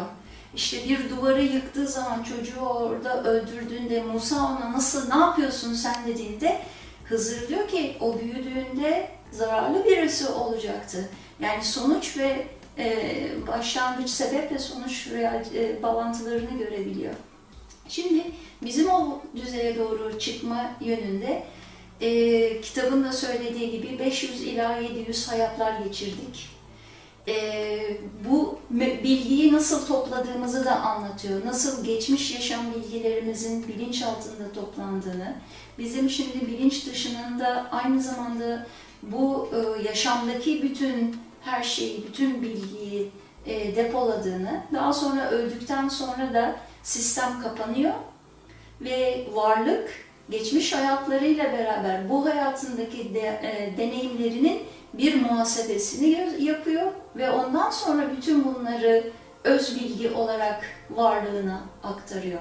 Hatta o öz varlıkla olan bağlantıyı da demiş ki işte sekizde biri öz varlıkla bağlantılı, sekizde yedisini de buraya projekte ediyor. Yani gelip de bizim varlığımız bu beden içerisine girmiyor. Orada bile altın oran var ya. Bir... 8'de 1 ile 8'de Orada bile altın oran yani. yani aslında bedenlenmek de kolay bir şey değil. Buraya projeksiyonda.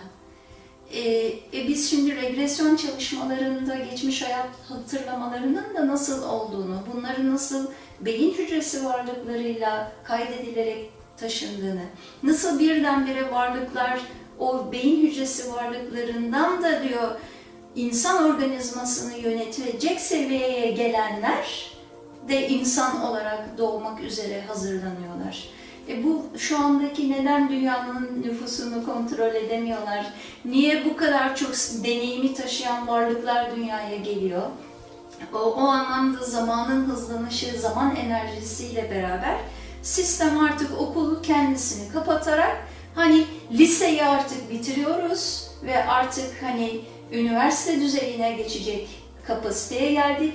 Artık varlıksal deneyimimiz de o derecede arttı ve daha üst, daha e, süptil seviyelerde olabilecek işte hani altın çağ diye, yeni çağ diye beklenen seviyeyi gerçekleştirebilecek bir yere doğru gidiyoruz.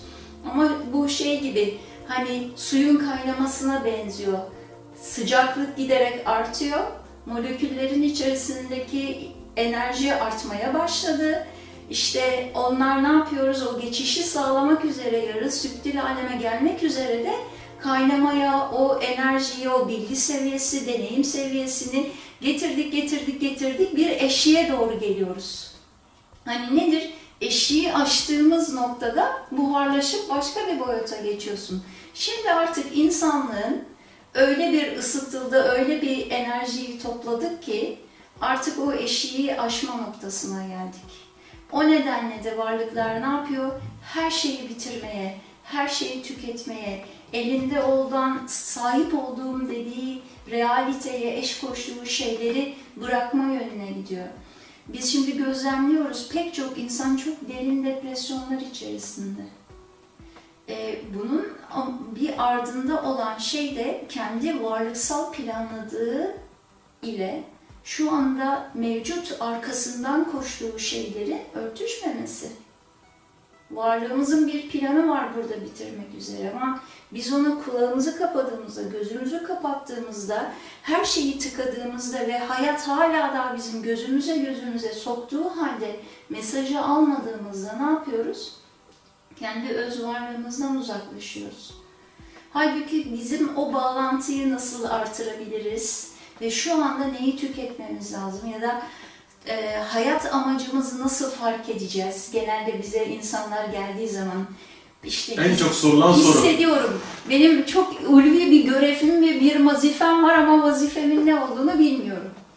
Halbuki hayat amacı dediğimiz şey yaşadığımız yaşamın içerisinde gizli cevap. Burada iki şey bizim referansımız olabilir. Bir tanesi gerçekten yapmaktan çok hoşlandığımız, çok sevdiğimiz ve yaptığımız zaman çok derin bir içsel huzur ve tatmin duyduğumuz işler. Bu bir annelik de olabilir. Yani işte bir aracı çok iyi kullanmak da olabilir, bahçeyi, toprağı iyi sürmek de olabilir.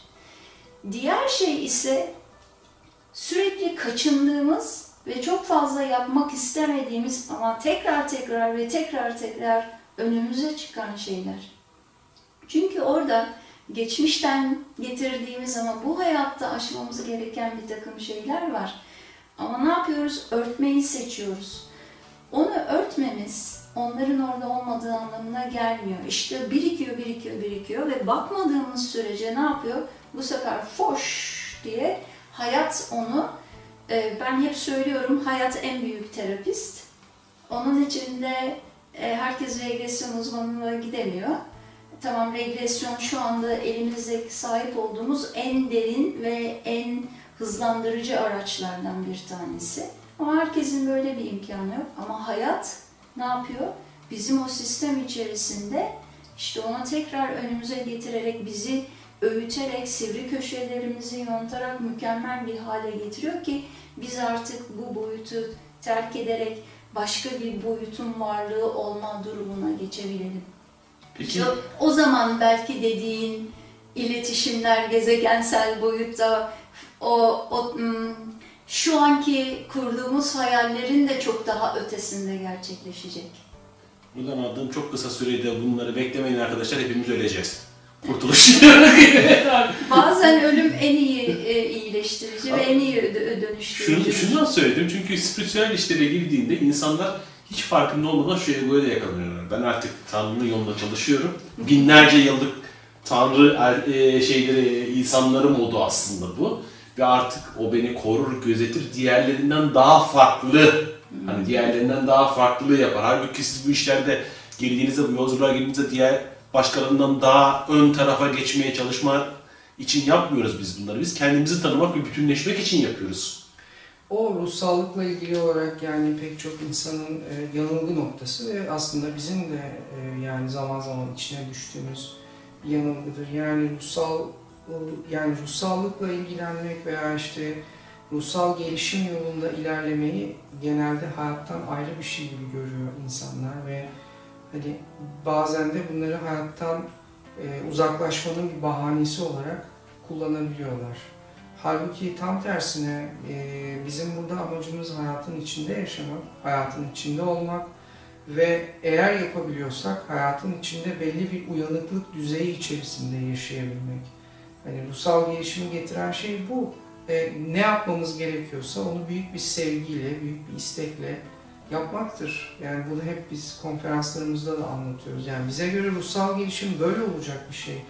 Yani evet bilgilenebiliriz, e, çeşitli bilgileri okuyabiliriz ve yani bilgimizi geliştirmek çok kolay. Bugün internet var, kitap- kitaplar var, her şey var yani bu çok kolay ama peki hayatın içinde gerçekten nasıl bir hissiyatla ve e, yani nasıl bir hal içerisinde hayatın içinde bulunuyoruz? İşte bunun kalitesinin gelişmesi aslında gerçek anlamda ruhsal gelişim ve bu hayattan kaçarak olacak bir şey değil ki. Tam tersine daha çok içine girerek olacak bir şey. Ya ben spiritüel olduğunuz iddia eden arkadaşlarımla konuşurken bazen çok şey, şu, la, şu lafı alırım. Ya şimdi spiritüelliği bir tarafa koyalım da gerçeklere gelelim. Ya bir dakika arkadaş yani bu bilgileri niye okuyoruz, ne de şey yapıyoruz ya da Türkiye'de en çok yaşadığımız şeyler. Yani çok can acıtı, can acıtıcı üst üste bir sürü olay yaşıyoruz. Bir bakıyorsun hani ruhsal öğretmen olarak geçinenlerin hepsinden nefret akıyor sayfalarından. Hani öyle böyle bir E, Mesela nefret, lanetlediler. lanetli. Hani bu bir onun karşısında da şey, e sevgi pıtırcı, pıtırcığı mı olacağız? Hayır, bunların hiçbirisi değil. Sen sevgi pıtırcığı da olduysan, olduğunu zannettiysen bunu anlamadın. Lanetliyorsan da bunu anlamadın. Tabii çünkü aslında lanet mekanizmasına baktığınız zaman bir şeyi lanetlediğinizde bu hem lanetleyeni bağlar hem lanetleneni bağlar. Onun için de aslında Büyük bir karma bu ya. tabii Büyük bir karma. İşte yapılan, geçmişte yapılan büyüler, majiler, bu geçmişte diyoruz ama şu anda hala daha büyüler, şunlar bunlar her yerde devam ediyor. Yani başkasının iradesini yönlendirmeye yönelik hala daha yönlendirilmiş düşünceler var. Şimdi işte e, demiş ki ilahi nizam ve kainatta işte varlık demiş hem nefsaniyet üzerinden ilerliyor hem de vicdan üzerinden ilerliyor. Ama seçtiğin şey aynı zamanda senin ne yapıyor? Bir takım karmik döngüleri oluşturuyor. Yani bumerangı attığın zaman bumerang sana geri dönüyor. Ve ev, evrende bir kere en temel yasalardan bir tanesi rezonans kanunu. Ve birbirine benzer olan şeyler ne yapıyor onu çekiyor. E sen negatif e, bıraktığında, lanetlediğinde aslında aynı zamanda orada rezonans kanunu gereği ne yapıyorsun? Bütün bunları daha büyütülmüş olarak çekiyoruz. Halbuki bunun arkasında işte büyük bir sistemin olduğunu bilmek, ilahi bir mekanizmanın olduğunu görmek, hiç başıboş olmadığını görmek ve bunun insanlığın artık bir takım uyanışına doğru olan sancılar olduğunu ve uyanmaya yönelik bir takım sarsıntılar olduğunu fark etmek gerekiyor. E şimdi biz gölgemizle karşılaşmayı istemediğimizde, onu örtmeye çalıştığımızda gölge büyüyerek bizim üzerimize doğru boşaltıyor onu. Şimdi toplum da kendi gölgesiyle karşılaşmak durumunda. Ve şu anda resmen gözümüze her şeyimiz olduğu gibi sokuldu. Hiçbir gizli taraf kalmadı. Ama ona rağmen uyumaya devam E ediyoruz. çünkü biz e, toplum olarak görmemeye, kovalamaya, ötelemeye, işte bastırmaya, her şeyi gizlemeye, saklamaya çalışmışız. Ve kendi karanlığımızla karşılaşmakta korktuğumuz için sürekli bastırıp bastırıp bastırıyoruz. Ondan sonra her seferinde patlıyor. Aa niye patladı diye bir de şaşırıyoruz. Bastırıyoruz, patlıyor, bastırıyorsun, patlıyor yani. Bastırdığın, ötediğin her şey sana kaçıyor yeniden. Gerçekten. Şimdi ama yani bütün insanlığa verilmiş olan bir hediyenin de gene Anadolu'dan çıkmış olması da o da bir tesadüf olmasa gerek. Evet yani. Yani bu bunca uygarlık geçmiş ve bunca işte 13'ten fazla kurulmuş uygarlık var. Ve müthiş bir genetik kar- karışmış yapı var, kompleks var. Ve bunun içerisinde de e, hani kaynadıkça geldiği zaman belki bütün insanlığa geçiş yapmasına e, yardımcı olacak ve aynı zamanda o işte reaksiyon noktasına geldiği zaman e, senin de geçenlerde yazında paylaştığı gibi hani duruyor duruyor duruyor duruyor ve son dakika son dakikada olan bir toplumda bir Bu kadar gidişle yani bu kadar son dakikacılık olmaz yani. Hani futbol maçı diyorsun. Yani filmlerde şöyle kapanır. Yani olmayacak her şey üst üste geliyor. 7 tane aşamanın hepsinin üst üste gelip oradan milli takımın Avrupa elimesine katılması mucize. Ama sen onu futbol olarak görürsen futbol. Ama diğer türlü çok net bir mesajdı o bize. Çok Şimdi- netti. Aslında kitabın içerisinde bu tarz konularla ilgili de çok güzel bilgiler var. Çünkü orada e, toplu yaşamanın neden olduğunu da çok iyi anlatıyor. Yani insanların neden toplum hayatı içerisinde yaşadıklarını ve neden buna mecbur olduklarını da çok güzel bir şekilde anlatmış kitabın içinde. Çünkü e, bu diyor ki şimdi şöyle bir şey var. E, kainatta yani hemen hemen her şey e, İnsan yaşamında da bu böyle ve yani kozmik ölçekte de bu böyle. Şimdi şu anki kabul gören teori doğru ya da yanlış nedir? Bir Big Bang teorisi var. Yani her şeyin işte bir patlamayla parçalanıp parçalar halinde yayıldığı, genişlediği, saçaklandığı ve sonra bir süre sonra bunların tekrar içine çöküp tekrar bir tekil bir hale geleceği yönünde bir teori var. Bu doğrudur ya da yanlıştır bunu bilmiyoruz ama hayatın içinde her şey böyle şekilleniyor. Şimdi insanın oluşumunu düşün. İki tane hücreyle başlıyor. Sonra bunlar bölünmeye başlıyor.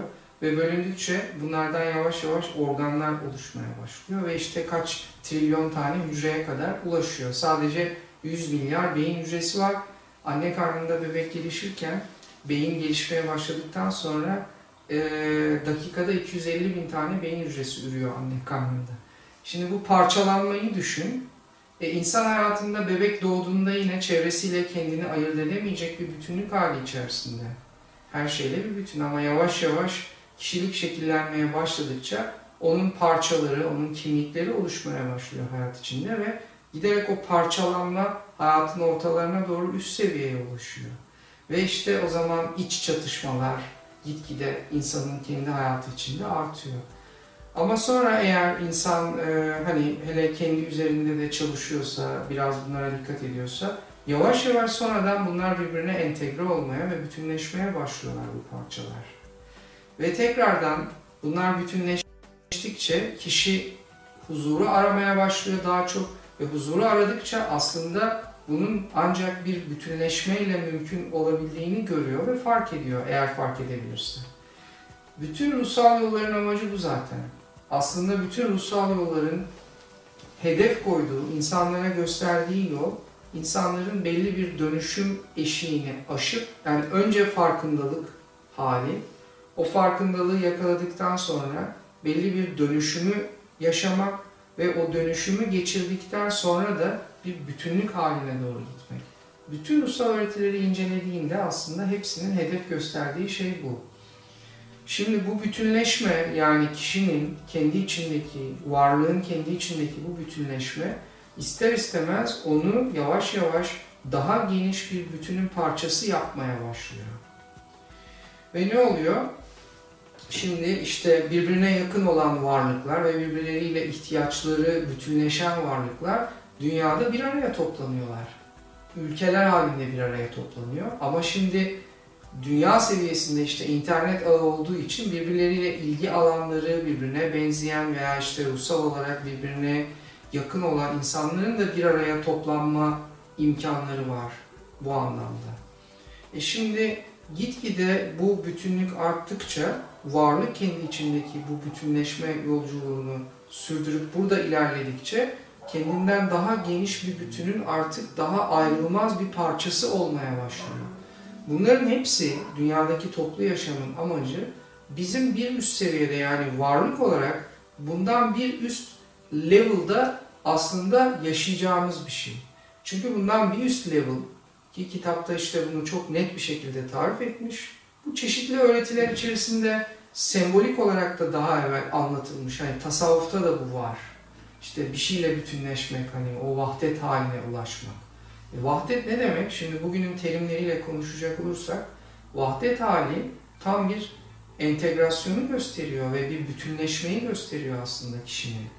E şimdi bu bütünleşme belli bir olgunluğa vardıktan sonra o olgunlaşan meyve kendinden daha üst bir bütün içerisine katılıyor ve orada kendi kimliğini yitirmeye başlıyor. Çünkü ne olur? Ee, yani belli bir ruhsal gelişim düzeyinin üzerine çıkmış insanlarda biz neyi görürüz? Onların bir bütünlüğü vardır ve e, egoları çok siliktir. Gitgide silinir. E zaten bütün ruhsal gelişim öğretilerinin amacı bu değil mi? Yani mümkün olduğunca insanın o ego tarafının silinmesi değil mi? Ama bu tabii böyle lafla olmuyor ya da bunu istemekle olmuyor. İşte bu çok uzun bir gelişim sürecinin sonucunda elde edilen bir şey ve bunun doğal yolla olması lazım. Nasıl ki mesela bir meyve doğal olarak olmadığı zaman onu dalından koparamazsın. Onun doğal bir oluşum ve bir olgunlaşma süresi vardır öyle değil mi? Bu varlık içinde böyle. İşte bu olgunlaşma süresi artık bilmem kaç bin yıl, on bin yıl ya da her neyse ya da sonsuz bir süre diyelim en baştan beri eğer alırsak bu belli bir olgunluğa vardıktan sonra artık kendinden daha bir üst bütüne ama kendi kimliğini yitirerek daha üst bir bütüne katılıyor. İşte bizim hedefimiz bu. Ve onun içine katıldıktan sonra artık başka bir fonksiyona geçiyor ve başka bir boyuta bir anlamda geçmiş oluyor varlık. Ve kendi kimliğini yitiriyor. O planın bir parçası haline geliyor. O hale geldikten sonra işte artık e, tam bir e, evrenin içerisinde bir fonksiyon ama bilinçli bir şekilde fonksiyon görme hali başlıyor. Şimdi şu anda da biz bir sürü fonksiyonu burada yerine getiriyoruz. Ama bunu bilinçli olarak ve bu derecede kendi kimliğimizi yitirmiş olarak değil. Ama yaptığımız her şey bir şeylere hizmet ediyor. Yani çocuk büyütüyoruz. İşte bir varlığın gelişimine yardımcı oluyoruz. Veya işte kendi işimizde çalışıyoruz.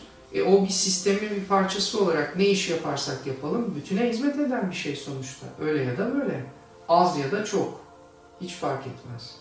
İşte bu toplum hayatının ve bütün bu e, antrenmanların, bütün bu eğitimlerin amacı aslında bizim bir üst seviyede içine katılacağımız ki buna işte vazife planı adı verilmiş ama başka kelime olmadığı için öyle söylenmiş mecburen. Ee, yani varlığın artık tam bilinçli ve tam idrakli olarak belli bir e, fonksiyon gören bir planın içinde katılıp onun içinde artık kendi kimliğini yitirerek bir anlamda eriyeceği bir seviye. Ama bu sadece şimdilik dünya için geçerli ve bunun sonu yok. Yani bu anlamdaki gelişimin sonu yok. Bu bizim için şimdi bir üst seviye ama onun üzerinde daha sonsuz düzeyler var. Sonsuzluğu bizim zihnimiz kavrayamıyor. Ama işte ilerlediğimiz hedef böyle bir hedef. Ve biz tabii e, kişisel olarak tabii şimdi kendimizi burada bir kişi olarak düşündüğümüz için hep tabii kişisel olarak acaba ben bitirebilecek miyim, acaba şöyle mi olacak, acaba böyle mi olacak filan gibi bazı endişelere kapılabiliyoruz. Böyle bir şey yok. Çünkü biz zaten kendimizden daha büyük bir sistemin içindeyiz ve bu sistem her şeyi mükemmel bir şekilde zaten yürütüyor.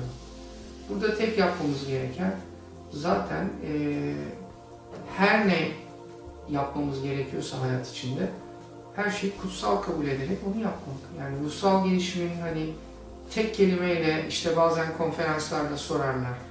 Ne yapalım? Benim verdiğim cevap şahsen bu. Yani kendim içinde bulduğum cevap bu. Yani yapmamız gereken işler var şu anda. Bunları biliyoruz. Bunları her ne olursa olsun her işi en kutsal iş olarak kabul ederek yapıp gerçekten büyük bir sevgiyle, şefkatle eğer bunu yapabilirsek bu bizi ruhsal gelişim yolunda çok kestirmeden e, ileri bir noktaya götürebilir.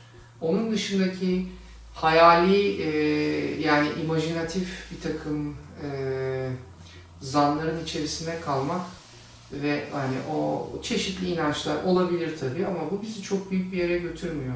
Hani her şey aslında hayatın içinde. Sen çok sevdiğin ve zaman zaman ön plana getirdiğin bir e, yazar ya da düşünür var. Hep e, bahsediyorsun Eckhart Tolle. İşte aslında o kadar güzel anlatmış ki bütün bunları. Ama onları yapabilmek, e, pek çok yerde bunlar söylenmiş zaten. İşte o söylenenleri yapabilmek gerçekten olgunlaşmaya getiriyor ki bunun için bizim kendimize de sabırlı olmamız lazım. Ya şu konuşma esnasında var ya, böyle hiç kesmeden böyle dinledim. Ne güzel ya dedim. Bugüne kadar hep yalnız hissediyordum ama ben büyük bir sistemin parçasıyım ve bunu çok net hissettim. Böyle arkamda resmen kocaman dağlar belirdiğini hissettim.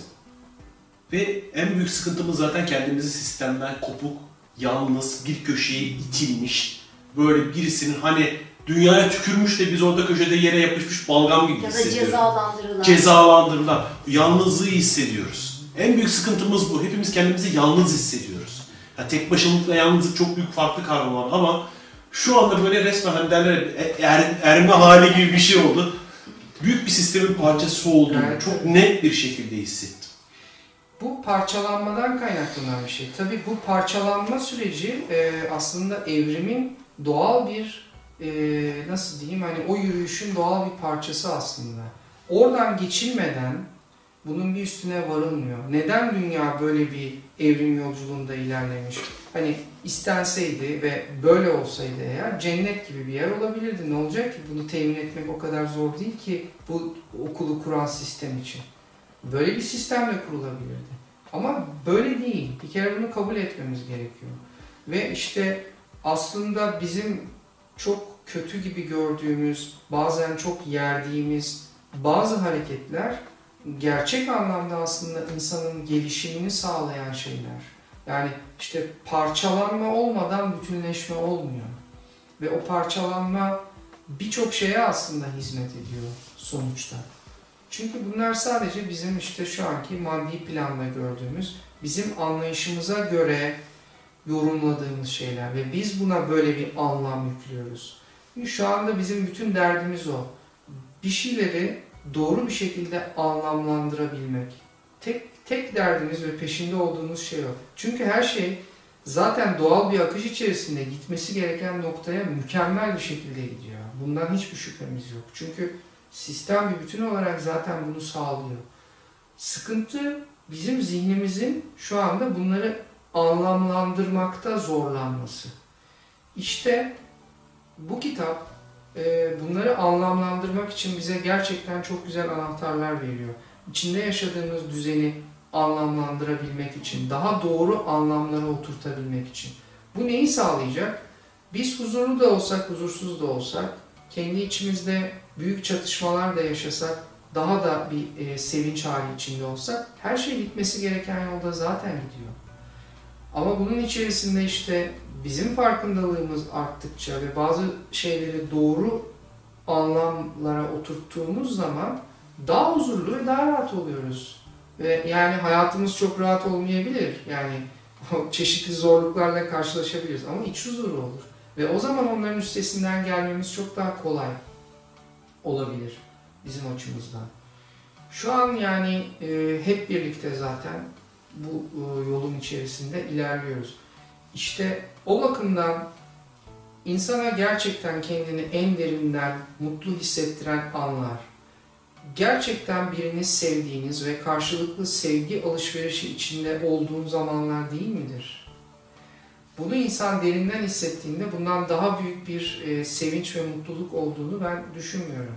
Hakikaten o sevginin yürekten gerçekten paylaşıldığı anlar ki mesela ebeveynlerle çocuklar arasında bu çok doğal olarak yaşanabilir. Çünkü e, bir ebeveyn ne olursa olsun çocuğunu sever. İşte o aradaki sevgi alışverişi, yani ebeveynlik de aslında buna hizmet eden bir şey. O sevgi alışverişi otomatik olarak insanın çok yüksek seviyeli duyguları yaşamasına sebep oluyor. Ve bizi gerçekten yukarıya taşıyan da bu aslında. Bütün bunları yaşamak. İşte onun için toplu bir yaşamın içerisindeyiz.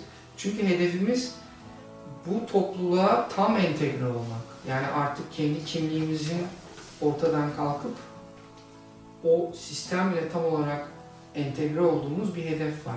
Ama bunu hani aklen söylüyoruz da şu anda e, idrak etmek için herhalde daha bir yolumuz var ve bunun için e, bu işi bitirip bedenden ayrılmamız lazım. Yani artık e, o e, işlerin sona ermesi lazım.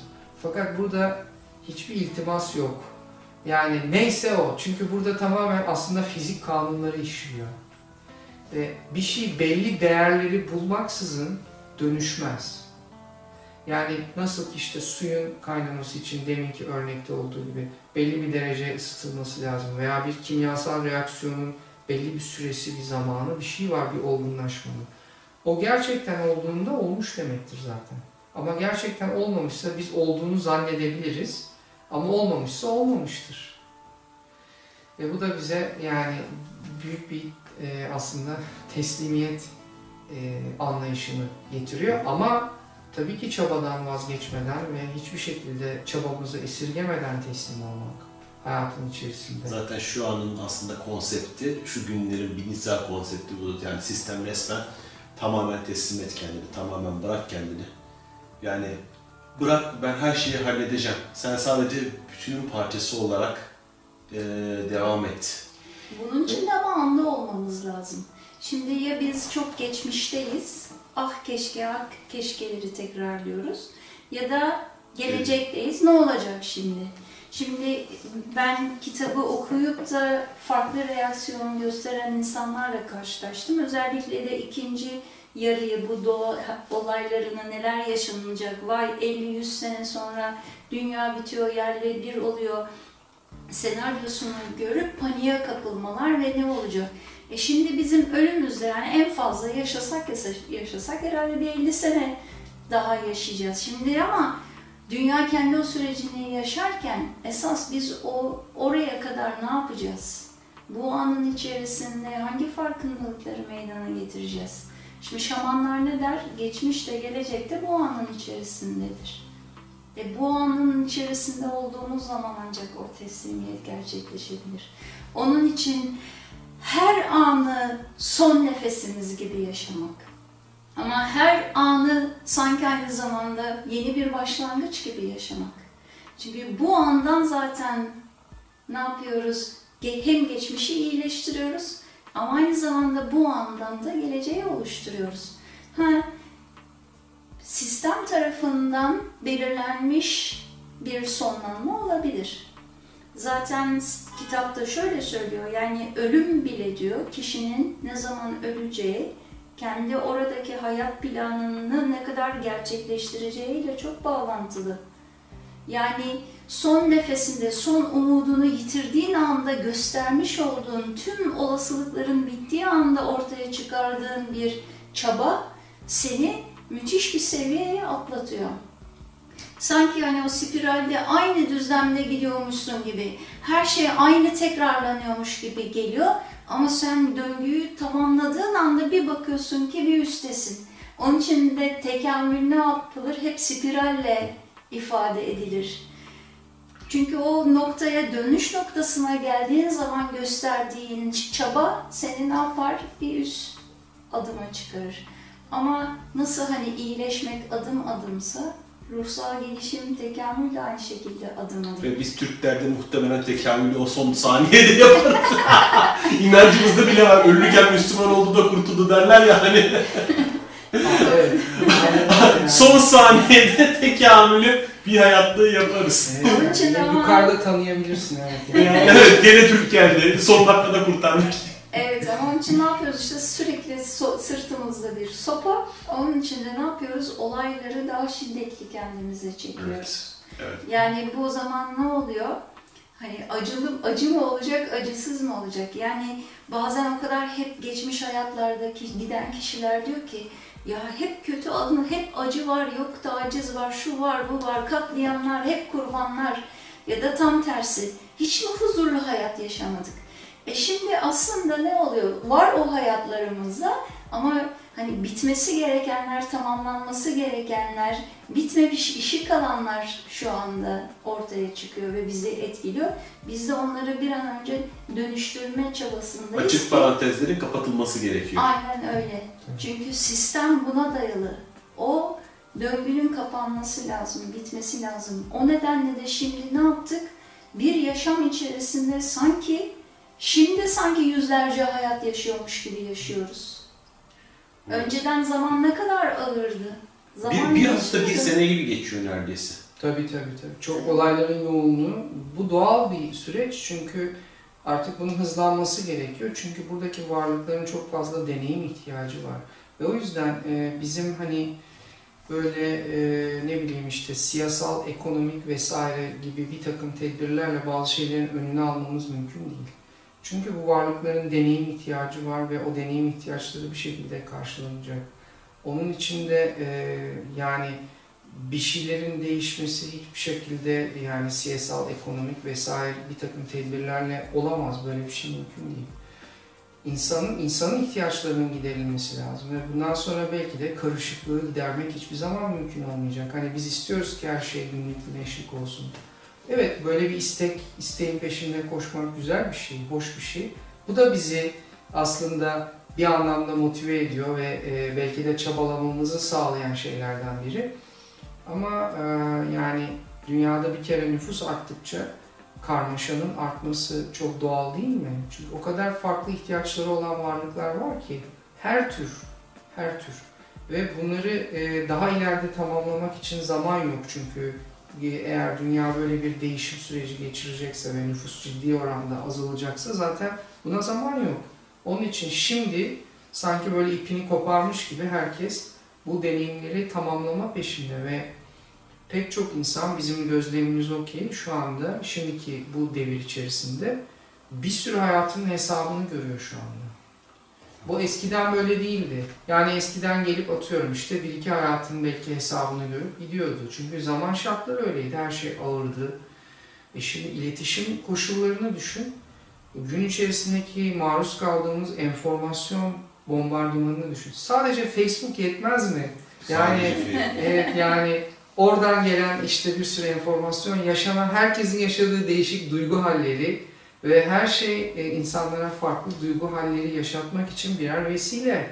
televizyonu ayrı, şeysi ayrı hani bu iletişimin artması da böyle insanlar kendi kabuğunun içine çekilip kalamıyor artık imkan yok. Yani dağın başına çekilmek yok. Yok. Ve farkındaysan dünyanın tepesini de sallıyorlar artık. Yani. Çok sembolik değil Evet, mi? tabii tabii Ne- Nepal'de olanlar, edenler. Yani hani öyle bir şey ki ben şu anda mesela bir kitap gibi bir kitap akıyor yani yazıyor. Ee, ve her gün neredeyse bir bölüm yazıyorum ve o bölümleri yazarken de birebir yaşıyorum.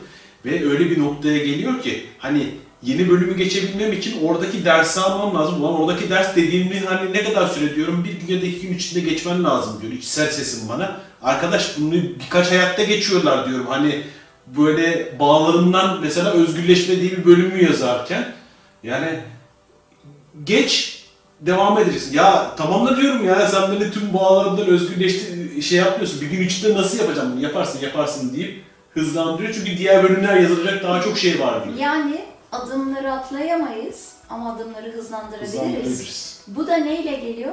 Önce farkına varacağız. Farkındalık birinci basamak.